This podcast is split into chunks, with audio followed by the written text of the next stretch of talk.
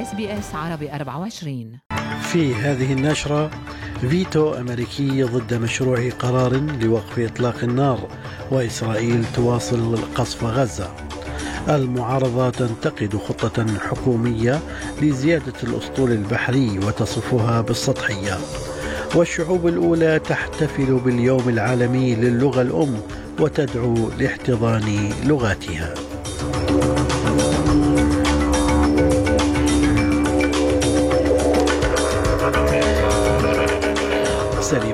الفهد يحييكم واليكم التفاصيل. استخدمت الولايات المتحدة حق نقض الفيتو ضد مشروع قرار لمجلس الأمن الدولي يطالب بوقف فوري لإطلاق النار في غزة مع مواصلة إسرائيل قصف القطاع الذي يواجه وضعا إنسانيا كارثيا. ولجأت واشنطن لاستخدام حق النقض ضد مشروع قرار صاغته الجزائر يطالب بوقف فوري لإطلاق النار لأسباب إنسانية والإفراج غير المشروط عن جميع الرهائن الذين اختطفوا في هجوم السابع من تشرين أول أكتوبر. وحظي المشروع بتأييد 13 عضوا في مجلس الأمن مقابل اعتراض واشنطن وإحجام بريطانيا عن التصويت. هذا واعتبر السفير الفلسطيني في الأمم المتحدة رياض منصور الفيتو الأمريكي ضد الدعوة لوقف إطلاق نار فوري في غزة غير مسؤول وخطير. فيما وصفت سفيرة واشنطن لدى الأمم المتحدة ليندا توماس جرينفيلد طرح المقترح للتصويت بأنه من باب التمني وغير مسؤول ويعرض المفاوضات الحساسة للخطر. We're not giving up. We're eager to continue working with the Council on this proposal, one that would see a temporary ceasefire as soon as practicable, based on the formula of all hostages being released, and one that would get aid into the hands of those Palestinians who so desperately need it. من جانبها انتقدت مصر التي ترعى المفاوضات حول الحرب في غزة انتقدت الفيتو الأمريكي بحسب ما يذكر مراسل SBS عربي 24 في القاهرة محمد الشاذلي.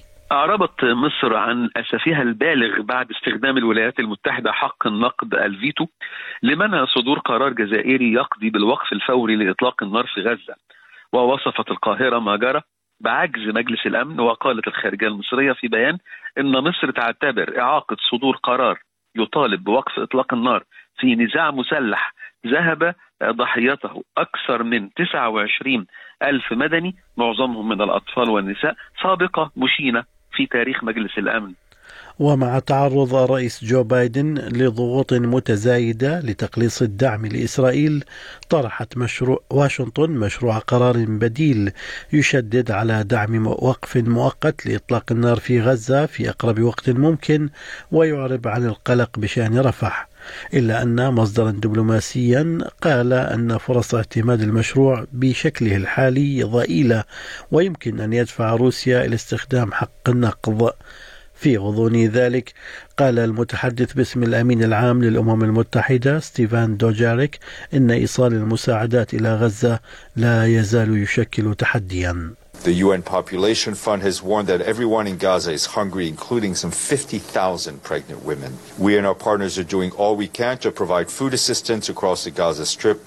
Last week, more than a dozen partners reached 1.5 million people, with nearly one third of food supplies going to Rafah Governorate, 28% to Deir al Bala, and just over a quarter to Khan Yunis, and 14% to the north.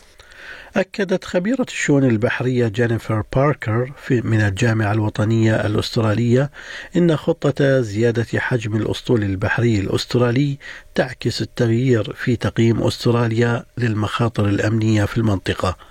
وكان وزير الدفاع ريتشارد مارز قد قال إن خطة زيادة عدد السفن الحربية الأسترالية من 11 سفينة إلى 26 بحلول أواخر الأربعينات من هذا القرن ستجعل هذا الأسطول الأكبر في البلاد منذ نهاية الحرب العالمية الثانية.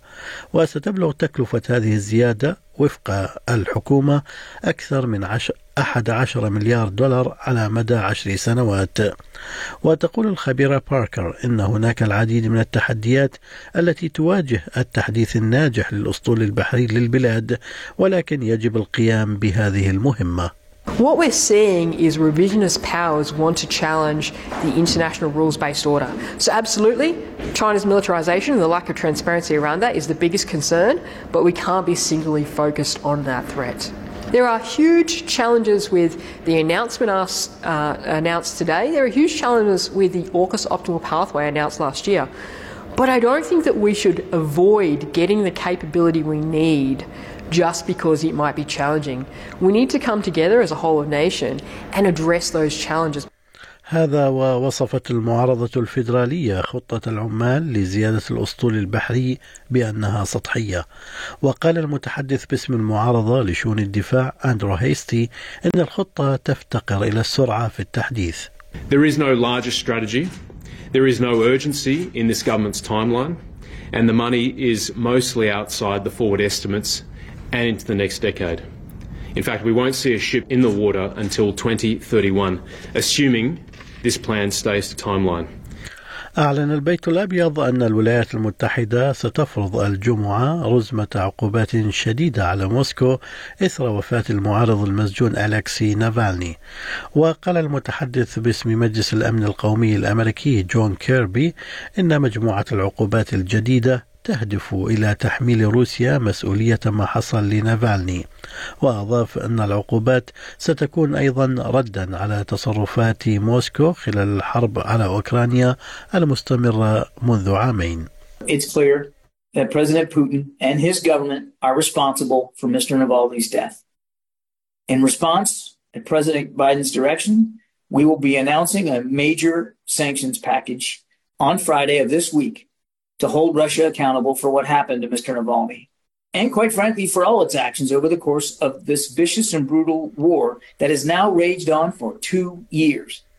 فتحت شرطة نيو ساوث ويلز تحقيقا في أعقاب العثور على ثلاث جثث في سيدني. فقد تم اكتشاف جثتي حدث وامرأة يعتقد أنها في الأربعينيات من عمرها داخل استوديو للتايكواندو في شمال باراماتا ثم تم اكتشاف جثة ثالثة في مكان قريب. ويعتقد محققو جرائم القتل أن الوفيات الثلاثة مرتبطة مع بعضها البعض. أبلغت دائرة شرطة كوينزلاند لجنة تحقيق بمجلس الشيوخ أنها تتكيف باستمرار لتلبية احتياجات السكان الأصليين وفي آخر جلسة استماع علنية للتحقيق الفيدرالي حول نساء وأطفال الشعوب الأولى المفقودين والمقتولين قدم مسؤولون من دائرة شرطة كوينزلاند أدلة حول عدم المساواة التي يعاني منها ضحايا الأمم الأولى والناجين منهم في نظام العدالة الاجتماعية. Me hearing this from these uh, victims that have stepped forward and provided this information um, does concern me. Um, from an organisational point of view, and that we have police out there that aren't um, being victim centric, that aren't focused on our victims, it actually is concerning, and, and that's something that we need to be better, um, and certainly look at our people um, if that's if this is what's happening. احتفل مجلس الشعوب الأولى في فيكتوريا باليوم العالمي للغة الأم الذي يصادف اليوم الأربعاء الحادي والعشرين من شباط فبراير من خلال تجديد الدعوات لاحتضان لغات الشعوب الأولى واعتماد سياسات التسمية المزدوجة. وقالت الرئيسة المشاركة لمجلس الشعوب الأولى ناجارا ماري إنه على الرغم من المحاولات التأريخية للقضاء على لغات الشعوب الأولى فقد ثابرت المجتمعات حيث قام البعض بحماية لغاتهم للأجيال القادمة. وأضافت أنه سيكون من الرائع رؤية المزيد من الأماكن العامة التي تعترف وتحتفل بأقدم ثقافة حية في العالم. في الرياضة قال اتحاد دوري كوينزلاند للرجبي أنه يخطط لاتخاذ قرار بشأن ما إذا كانت مباريات الجولة الأولى من المنافسات على مستوى الولاية ستجري في بابا نيوغيني كما مخطط لها في التاسع من آذار مارس أو لا. وذلك بعدما أثار مقتل ما لا يقل عن خمسين رجلا في كمين في مرتفعات بابا نيوغيني مخاوف تتعلق بسلامة اللاعبين.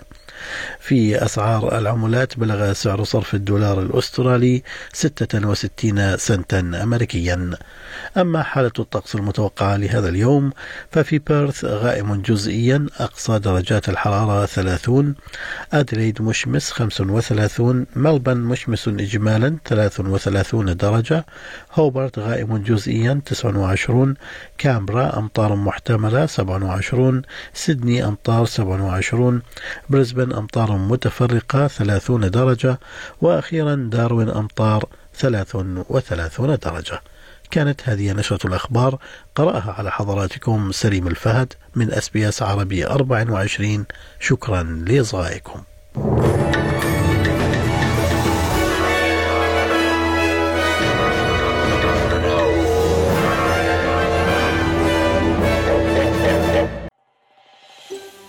هل تريدون الاستماع إلى المزيد من هذه القصص؟ استمعوا من خلال Apple Podcast، Google Podcast، Spotify أو من أينما تحصلون على البودكاست